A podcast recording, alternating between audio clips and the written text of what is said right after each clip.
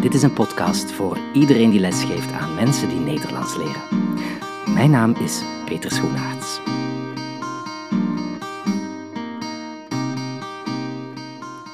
Hey, wat fijn dat je weer luistert naar een nieuwe aflevering van de podcast Docent NT2. Dit is het derde seizoen en ik maak elk seizoen 10 afleveringen. En vandaag zijn we aan aflevering 9 aanbeland. Dus dat betekent dat we alweer bijna aan het einde van dit seizoen zijn. Ik krijg de voorbije maanden eigenlijk eh, best wat reacties van mensen die lesgeven aan anderstalige tieners. In Nederland in de ISK-klas, de internationale schakelklas. In Vlaanderen bij OCAN, de onthaalklas voor anderstalige nieuwkomers. En toeval of niet, maar de Taalunie heeft dit jaar ook een onderzoek laten voeren naar hoe er met die leerlingen wordt omgegaan. En ehm, dat onderzoek dat is uitgemond in een publicatie en die heet OCAN ISK en daarna met als ondertitel aanbevelingen voor de doorstroom van nieuwkomersleerlingen naar het vervolgonderwijs in Nederland en Vlaanderen. Niet meteen de meest sexy ondertitel, maar het zegt wel heel duidelijk waar het om gaat. En um, heel veel mensen die lesgeven aan anderstalige tieners, die kennen de problemen hè, dat de overgang naar het vervolgonderwijs niet vlot verloopt, of dat er bijvoorbeeld um, ja, dat de doelstellingen niet helder zijn geformuleerd. Ik zeg maar wat. Kijk, um, we gaan vandaag eens over dat onderzoek praten. En over die publicatie, die je trouwens gratis kunt downloaden. Dus uh, ik zet hem ook wel even op mijn website. Maar het leek me interessant om dat onderzoek eens van naderbij te bekijken. En um, dat is gevoerd door een aantal experts uit Nederland en uit Vlaanderen. En ik dacht dat het wel interessant kon zijn om met twee van die mensen te gaan praten. Eén iemand uit Nederland en één iemand uit Vlaanderen. En de twee mensen met wie we vandaag gaan praten, dat zijn Harriette Boerboom en Laura Emery. En uh, Harriette, die was vroeger directeur van een nieuwkomersschool in Nederland en is nu fulltime adviseur bij LOAN. En LOAN is een Nederlandse organisatie die bestaat uit een aantal experts die scholen ondersteunen die het eerste opvangonderwijs verzorgen aan nieuwkomers. En dan spreken we zowel over het basis- als het secundair onderwijs. De tweede persoon die vandaag aanschuift is Laura Emery.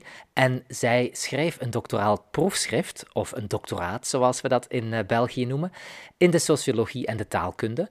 En haar onderzoek ging over de oriëntatie van anderstalige nieuwkomers in het secundair onderwijs in Vlaanderen.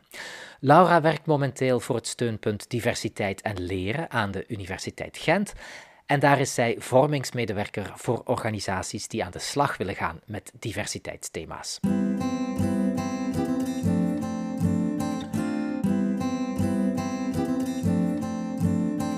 Dag allebei, ik heb jullie aan de lijn. Hallo. Hallo, goedemorgen. Goedemorgen. Ik zeg het goed, hè? het is een, eh, een rapport geschreven um, op vraag van de Taalunie, maar um, ja, samengesteld door een aantal onderzoekers, mensen uit scholen, inspecties. En jullie maakten daar ook deel van uit. Ja, dat klopt. Uh, zo werkt de Taalunie vaak. Ze nodigen een groep mensen uit die veel weten over het thema dat ze willen onderzoeken. En um, dan denken we eigenlijk samen na over dat thema en wat de uitdagingen zijn. En de praktijk wordt ook wel altijd heel uh, nauw betrokken. Ja, wel, um, ik heb al meteen een praktische vraag voor de mensen die luisteren. Um, de, de, ondertitel van het rapport is Aanbevelingen voor de doorstroom van nieuwkomersleerlingen naar het vervolgonderwijs. Dan is mijn eerste vraag: wat is precies dan vervolgonderwijs? Nou, in uh, Nederland uh, is, dat, uh, is het zo geregeld dat de ISK's, dat zijn zo'n 120 scholen in het secundaire onderwijs, ehm, het nieuwkomersonderwijs invullen. Gemiddeld twee jaar zitten leerlingen daar en vervolgens stromen ze dan door naar eigenlijk het reguliere, het normale onderwijs. ja, want in, dat, vervolg, dat vervolgonderwijs, dat kan dus zowel een middelbare school zijn als bijvoorbeeld hoger onderwijs. Zeker, ja, dus zeker. Dus, en, uh, ja. ja. zeker. Maar kan ook best voor een enkeling richting speciaal onderwijs uh, zijn of richting werk of begeleidwerk zijn, als er geen mogelijkheden zitten voor, voor leerlingen om door te stromen naar, naar onderwijs. Dus ja, ja, het is heel divers. Ja. dat is heel interessant wat je al zegt over het ISK. We hebben ook OCAN. En misschien moeten we heel even dat, uh, de verschillen en de gelijkenissen um, ja, benadrukken. dus het, de ISK, dat is de internationale schakelklas in Nederland. En OCAN is het onthaalonderwijs voor anderstalige nieuwkomers. Hè, de onthaalklas anderstalige nieuwkomers in Vlaanderen. Die zijn vergelijkbaar, maar niet helemaal hetzelfde. Kunnen jullie misschien, kies maar om de beurt, kort zeggen waaruit die opleiding bestaat?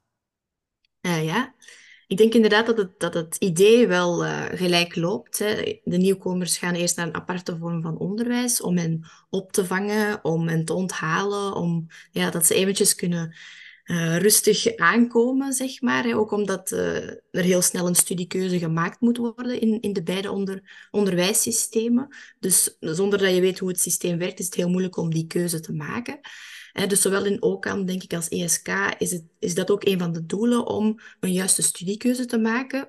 Um, maar ook uh, natuurlijk uh, is een doel om het, het Nederlands te leren, om te starten met het Nederlands te leren. Um, en in OCAM zijn daarvoor een aantal ontwikkelingsdoelen opgesteld door de overheid. Um, die zijn vrij vaag uh, omschreven. maar het gaat dus over taalverwervingsdoelen. Daar wordt een heel grote focus op gelegd. Maar er zijn ook een aantal andere doelen, zoals ICT-vaardigheden, leren leren, uh, eerder sociale vaardigheden of omgaan met burgerschap. Dus dat zit er ook wel een beetje in, mm -hmm. in OCAM. Ja, en wil je nog iets aanvullen, Harriette? Uh, is er bij de ISK nog iets anders dan bij de OCAN in Vlaanderen? Nou, ik, ik denk dat het uh, echt wel voor een groot deel hetzelfde is. Behalve het grote verschil toch wel is uh, dat het in uh, Vlaanderen gemiddeld één jaar OCAN is en in Nederland gemiddeld twee jaar. Mm -hmm. En dat bepaalt wel iets in de doorstroom naar vervolgonderwijs. en dat, dat, dat, dat proces ook is in Vlaanderen echt wel anders eh, geregeld met een uh, vervolgcoach. Ik weet niet of ik uh, de term goed zeg. En in Nederland hebben, vindt er eigenlijk meer plaats op die ISK. En gaan leerlingen dan eigenlijk heel onbegeleid naar het vervolg. Oh ja. ja, dus in Nederland worden de, de leerlingen eigenlijk heel goed en intens begeleid en daarna losgelaten. En in Vlaanderen blijven ze nog begeleid worden na de, de OCAN-klas. Maar um, ja, ja zijn, de, zijn de doelen. Uh, ja, maar ja. ik begrijp dat de doelen in de OCAN-klas zelf dan weer niet zo specifiek zijn. Ja, inderdaad. Ik denk in, in uh, OCAN zijn de ontwikkelingsdoelen vrij vaag geformuleerd, terwijl bij ISK, en daar heeft uh, Loan wel een belangrijke rol in gespeeld, zijn die veel concreter gemaakt, uh, met een aantal profielen van leerlingen. Uh, dus daar weten ze veel beter waar naartoe gewerkt moet worden, zeg maar. Ja, ik vind het wel fijn dat, uh, dat je zo van elkaar kan leren. Dat uh, Nederland en Vlaanderen bijvoorbeeld voor dit rapport samenwerken. Zeg, uh, kunnen jullie eens vertellen waar die anderstalige leerlingen, waar ze tegenaan lopen? Wat zijn de belangrijkste problemen die zij tegenkomen? Ik ja. vind eigenlijk toch wel dat ehm, de meeste leerlingen, kijk, ze zitten maar kort in dat nieuwkomersonderwijs, of dat nou op de OCAN is of op de ISK is.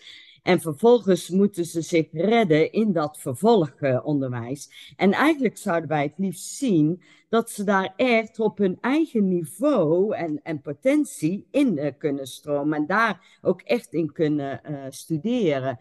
En daar zien we eigenlijk toch wel de grootste problemen. Dat uh, leerlingen echt onder hun kunnen um, geplaatst worden. Omdat ik, ik, doe, ik maak eigenlijk heel vaak het uh, uh, voorbeeld van in de ISK, als, als een leerling de ISK verlaat, heeft hij een woordenschat van, nou, een Nederlands woordenschat van zo'n 4000 woorden. Maar een vergelijkbare leerling in dat vervolgonderwijs, die heeft misschien wel 15.000 woorden. Dus dat gat is nog zo groot. Um, om te overbruggen. Daar moet nog zoveel in gebeuren. En uh, daar gebeurt veel te weinig uh, nog in. Dus daar, daar moet, uh, denk ik, wel heel veel aandacht nog voor eh, zijn. Om die leerlingen echt het beste uit hen te halen wat er gewoon in zit. Want eigenlijk zeg je... Dat zeg je, het grootste probleem. Hun, hun, intelligentie of talent of zo, dat, dat kan er allemaal zijn. Maar als ze de woorden niet hebben, de taal niet hebben om zich uit te drukken.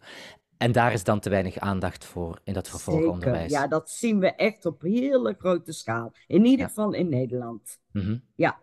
Ja, zeker in België ook. En ik denk inderdaad dat dat het, het heel mooi samenvat waar veel anderstalige nieuwkomers op botsen, is dat er verwacht wordt dat, dat in dat onthaalonderwijs alles gebeurt.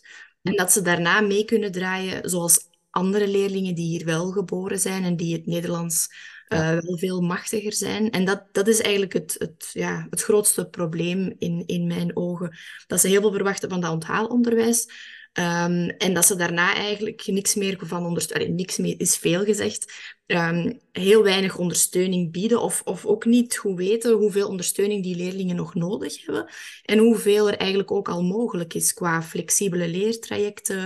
Um, er is heel veel mogelijk uh, en het is dus heel belangrijk dat je die nieuwkomers als tweede taalleerders blijft bekijken en dus ook die ondersteuning daarvoor gaat aanbieden. Want als in het regulier onderwijs heel weinig ondersteuning wordt geboden, dan gaat de studiekeuze daar ook heel erg mee vasthangen. Dus dan gaan heel conservatieve studierichtingen geadviseerd worden, gewoon omwille van de taal. Ja, maar dat betekent dat eigenlijk leraren in een middelbare school, eh, wiskunde of aardrijkskunde, dat die eigenlijk goed moeten beseffen hoe ze met zulke leerlingen moeten omgaan. En waarschijnlijk denken zij, ja, die hebben een traject gevolgd, die moeten nu mee kunnen. Is dat zo? Ja, zo is het uh, echt. En uh, ja, ja, dat is helemaal waar. Ja, dus je moet, je moet ze eigenlijk op taalvlak, of je moet ook die leraren opleiden op taalvlak, zodat zij ook weten hoe ze aandacht aan de taal kunnen. Ja. Ja, ja, ja. ja en uh, kijk, uh, er zijn uh, natuurlijk steeds meer leraren die daar oog voor, voor hebben, omdat ze steeds meer anderstalig nieuwkomers op hun scholen binnen krijgen. Mm -hmm. Dus in die zin helpt dat wel.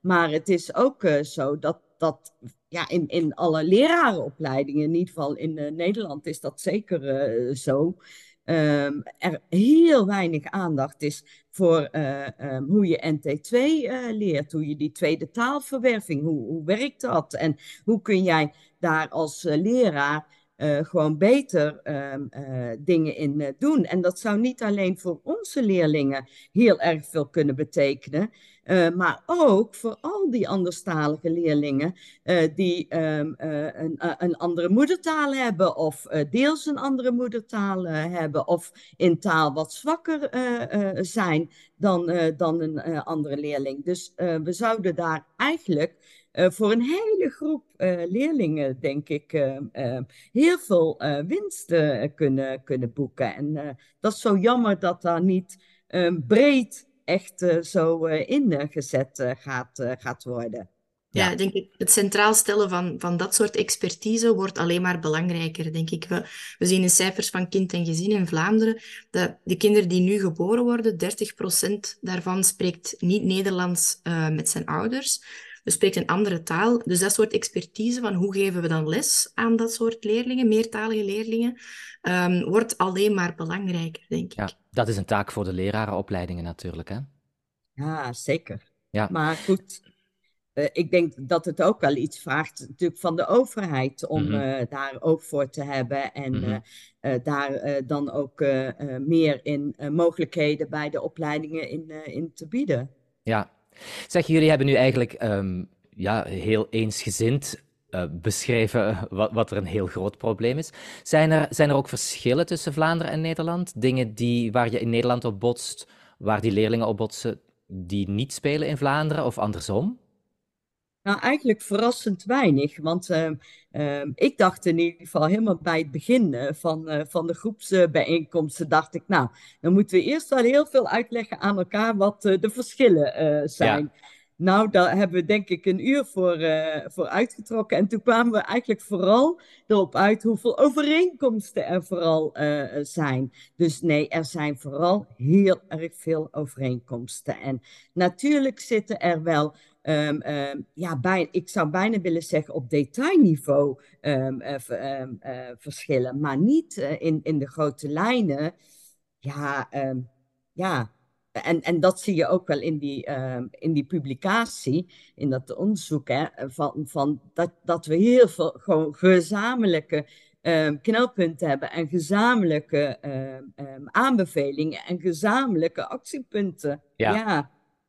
Wat misschien wel uh, inderdaad die details dan eventueel zijn. Um, wat we daarnet al zeiden, die, die vervolgschoolcoach, die functie die bij ons bestaat, maar in Nederland niet, um, is, is misschien wel een belangrijk verschil en iets wat misschien in Nederland wel handig zou zijn om ook te hebben.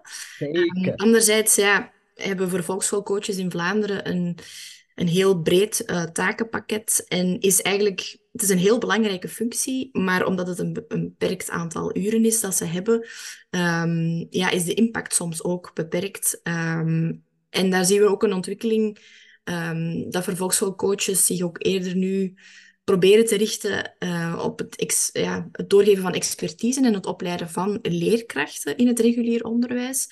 Uh, omdat ze dan veel meer impact kunnen hebben dan dat ze individueel um, zich naar leerlingen gaan richten en die vooral heel, heel goed opvolgen. Omdat ja, dat is, dat is maar leerling per leerling. Terwijl als ze die reguliere leerkrachten kunnen professionaliseren, hebben ze, hebben ze meer impact. Dus dat is wel een mooie beweging die we zien, maar ook iets wat, wat niet makkelijk is omdat het vaak ja, vervolgschoolcoaches zijn uit een andere school, die dan leerkrachten moeten opleiden. En dat blijkt wel gevoelig te zijn. Um, het delen van die expertise, het geven van tips en advies. Um, leerkrachten zijn daar vaak gevoelig voor, dus dat blijft wel mhm. iets moeilijk. Dat snap ik. Ja, jullie spraken al, al over het onderzoek hè, en uh, de publicatie. Die is er gekomen op vraag van de Taalunie. Um, kunnen jullie misschien vertellen hoe dat onderzoek is aangepakt? Wat is er gebeurd? Um, ja, wat, wat is er onderzocht? Uh, ja, we zijn uh, met dus een groep van experten uit Nederland en Vlaanderen een aantal keer samengekomen. Uh, en tussendoor hebben we eigenlijk ingepland om scholen te bezoeken. Vaak waren dat dan twee, drie experten die naar een school gingen, die een bepaalde praktijk had die heel interessant was uh, in het kader van die doorstroom. En dan koppelden die experten die die school bezocht hadden eigenlijk terug naar de hele groep. Uh, en probeerden we daar samen over te reflecteren. Wat kunnen we daar nu uit leren? Uh, en hoe gaan we dat in het, in het rapport formuleren? Dus het is eigenlijk echt uit de praktijk gegroeid. Uh, in, samen, ja, in samenspel met onze expertise dan. Um, en daar hebben we dan het rapport over uh, samengesteld. Ja, en het rapport bestaat dus eigenlijk uit een, een beschrijving van de moeilijkheden die, die voorkomen, zowel in Nederland als Vlaanderen, en een aantal uh, ja, aanbevelingen, suggesties om die op te lossen, toch? Ja. En kunnen jullie misschien allebei iets zeggen van wat jullie belangrijke oplossingen vinden?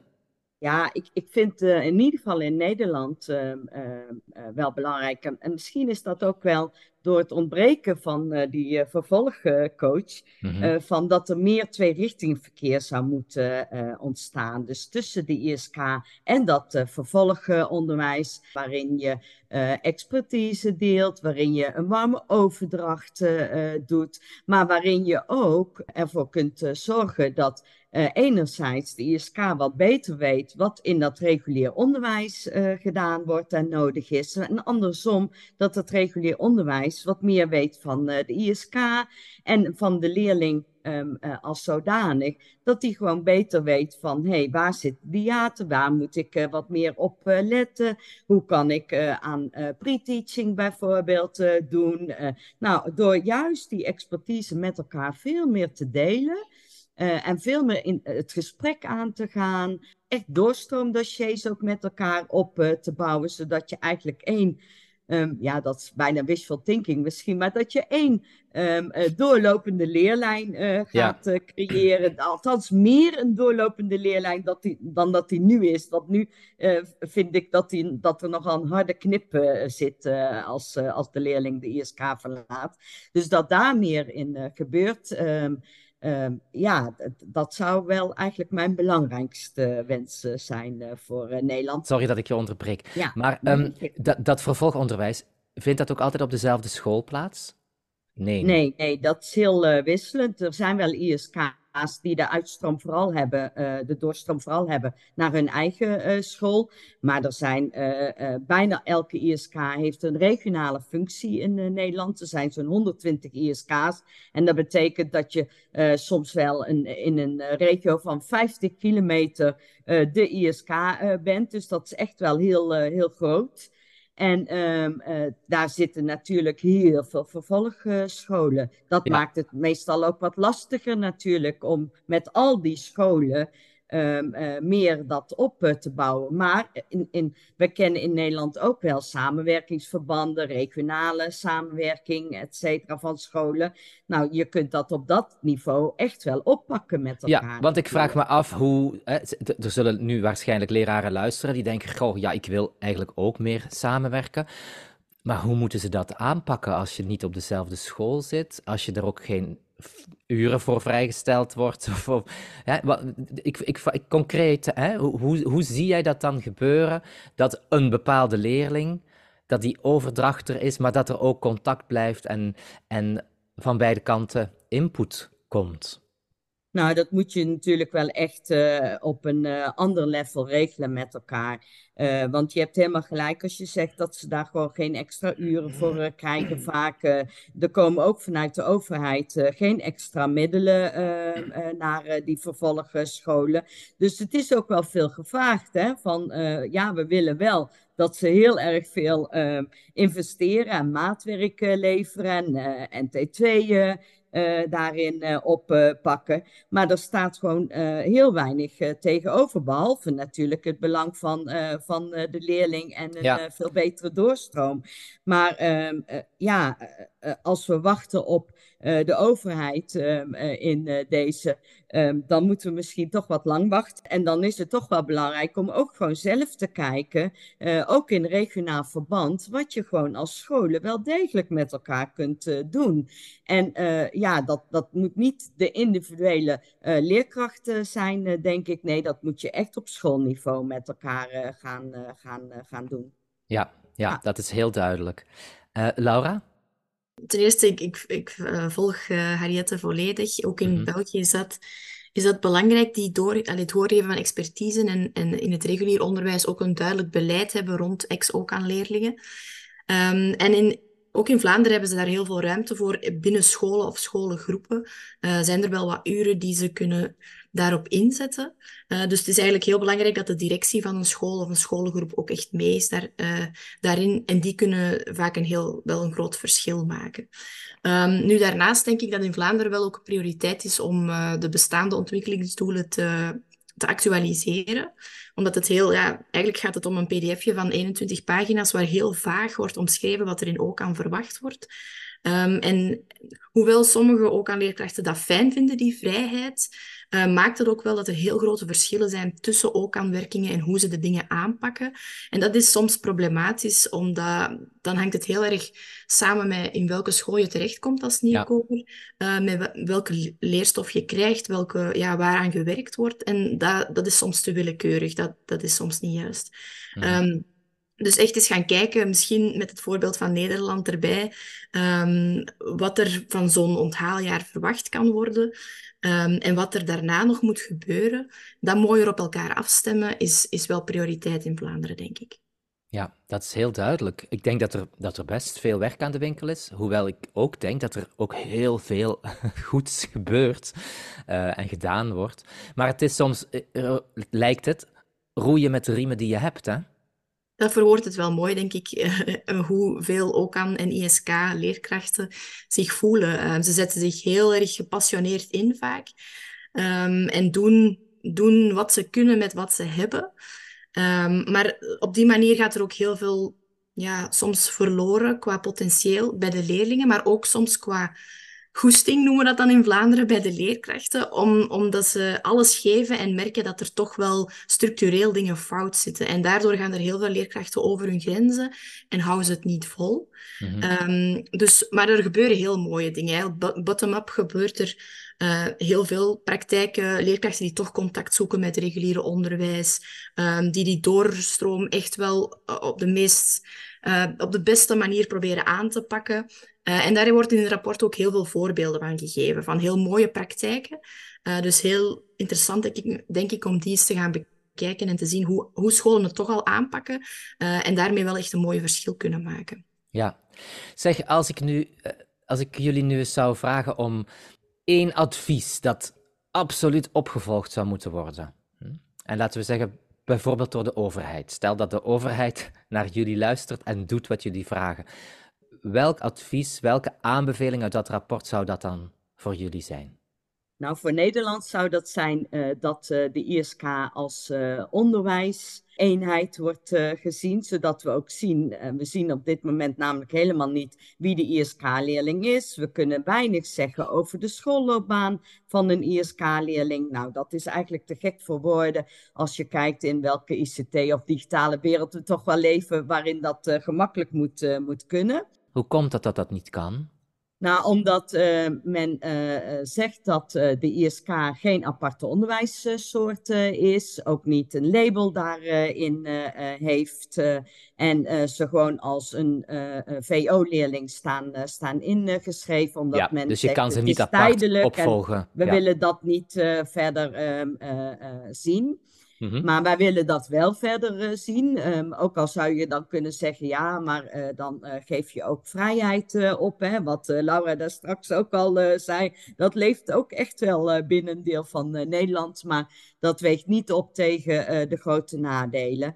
En, en daarnaast, want ja, ik mocht er eigenlijk maar één, maar, maar dit is maar zo klein dat ik er toch meteen een tweede aan uh, koppel. Want ik uh, vind echt dat er gewoon uh, het vervolgonderwijs gefaciliteerd moet worden.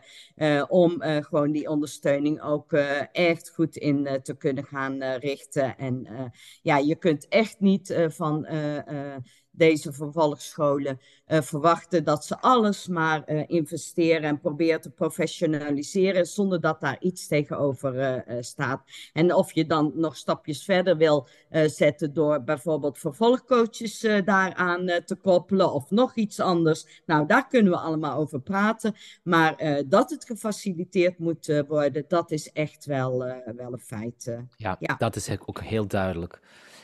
Um, Laura, wat zou jouw advies zijn? Ja, ik, ik vind het ook wel interessant om, als het dan echt menens is, van we willen in het vervolgonderwijs aandacht eh, geven aan die ondersteuning voor anderstalige nieuwkomers, ehm, mag dat van mij ook wel opgenomen worden in hoe inspecties scholen evalueren en hoe ze kijken naar eh, hoe onderwijs georganiseerd wordt in zo'n school, eh, om, om het echt ja, concreet te maken en, en duidelijk te maken dat dat een kwaliteitsvereiste is voor scholen vandaag. Dus eigenlijk het, het mee opnemen in, in inspectie, maar wel ja, in dialoog met leerkrachten. Hè? Ja, Dus want nu als, is, eh, is er geen echte inspectie bij de anderstalige leerlingen? Er is wel inspectie, maar bijvoorbeeld hoe die meertalige leerlingen of anderstalige nieuwkomers in het vervolgonderwijs worden opgevangen, daar wordt nu een school niet op geëvalueerd. Ja, Ja. ja. Nee, op het nieuwkomersonderwijs zelf eh, is echt wel de inspectie eh, betrokken. Mhm. Maar het gaat eh, vooral wat Laura ook eh, zegt natuurlijk op dat, hoe doen die nieuwkomers dat in, eh, het, in het vervolgonderwijs en hoe gaat het vervolgonderwijs met die leerlingen aan de slag. Daar zou wel echt gewoon meer aandacht voor moeten, moeten zijn vanuit de inspectie. Dat is in Nederland evenzeer het Ja, geval. Ja. Om, om ervoor te zorgen dat ze niet aan hun lot worden overgelaten, bij, wijze van spreken. daar Om- echt omdat ze niet mee kunnen. Ja. steken. Hè? Van, Mhm, van dat mhm. we weten wat we aan het doen zijn met elkaar en dat dat Ja. ergens toe, toe leidt en eh, verbetert. Ja. Ehm, ja, ik, ik, eh, ik ga het rapport sowieso ook op mijn, eh, op mijn website zetten voor de mensen die het willen lezen, want er staan nog veel meer problemen en adviezen in ehm, waar jullie aan hebben meegewerkt.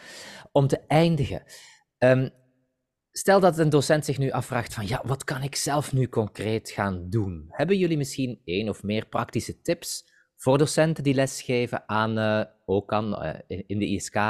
Wat, wat zouden zij zelf kunnen doen om die doorstroom te verbeteren?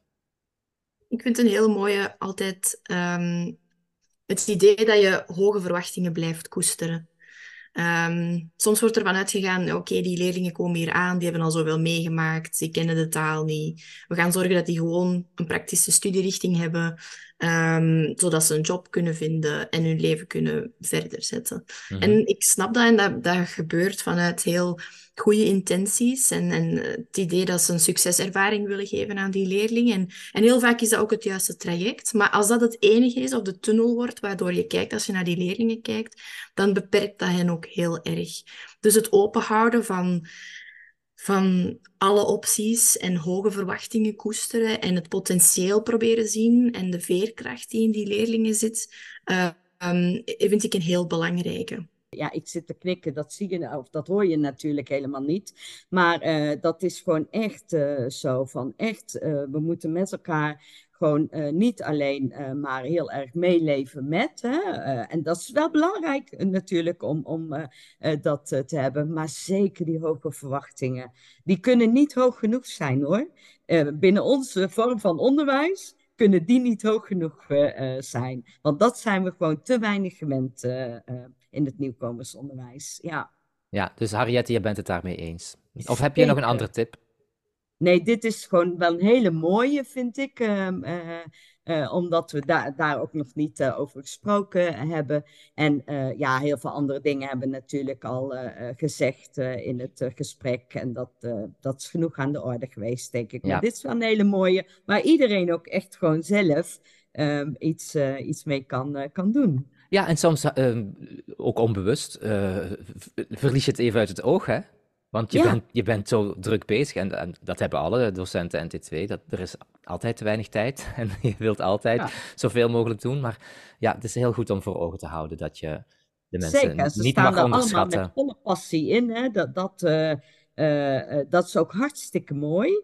Maar ja, laten we ook gewoon vooral ehm, dat opleidingsdoel uh, gewoon. Uh, want dat is wel de, de schoolloopbaan en eigenlijk ook de loopbaan van het, de toekomst van, van de leerling natuurlijk, mhm, die, mhm. waar het om gaat. Ja, Zeer zeker. En dat vind ik een hele mooie afsluiter voor vandaag.